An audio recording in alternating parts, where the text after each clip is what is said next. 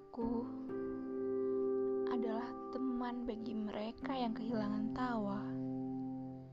Aku akrab dengan mereka.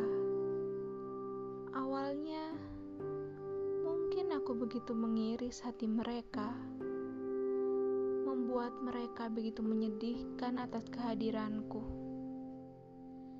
Aku hadir dalam hidup mereka, namun mereka diam saat aku mulai menyusuri jiwa dan raga mereka. Aku berhasil menggerogoti pikiran mereka, hingga pikiran mereka kosong, lalu muncul butiran air mata. Terkadang mereka begitu nekat menyakiti diri, padahal aku hanya singgah sesaat tapi mereka mengungkitnya setiap saat. Salahku jika aku menjadi teman sebagai penopang, lantas disalahartikan sebagai derita.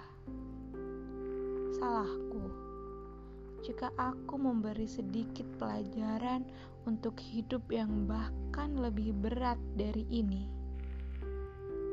Lantas, diriku dianggap malapetaka. Mereka yang begitu pupus akan kehidupannya, lelah terus-menerus menyalahkanku, hingga mereka lelah dan mulai menerimaku. Ada satu orang yang bersahabat denganku. Dia terkadang tersenyum, menyambutku yang sebenarnya membuat irisan baru di hatinya dia mulai akrab denganku. Dia mulai menguasai dirinya dan diriku, menjadikanku kekuatan di saat terpaan pujian menghancurkannya, menjadikanku bahan atas kokohnya puing-puing rumah di dalam hatinya. Dia memperlakukanku istimewa satu-satunya yang merubah fungsiku yang sebenarnya selama ini kebanyakan orang yang menjulukiku berfungsi merusak. Dia paham harus bersikap bijak. Meski dia patah, dia terus berdiri kokoh. Dia menjadikanku teman yang tak asing. Dia tetap bertahan saat aku membuat buliran air matanya luruh. Katanya, aku adalah teman di saat semua orang berkhianat.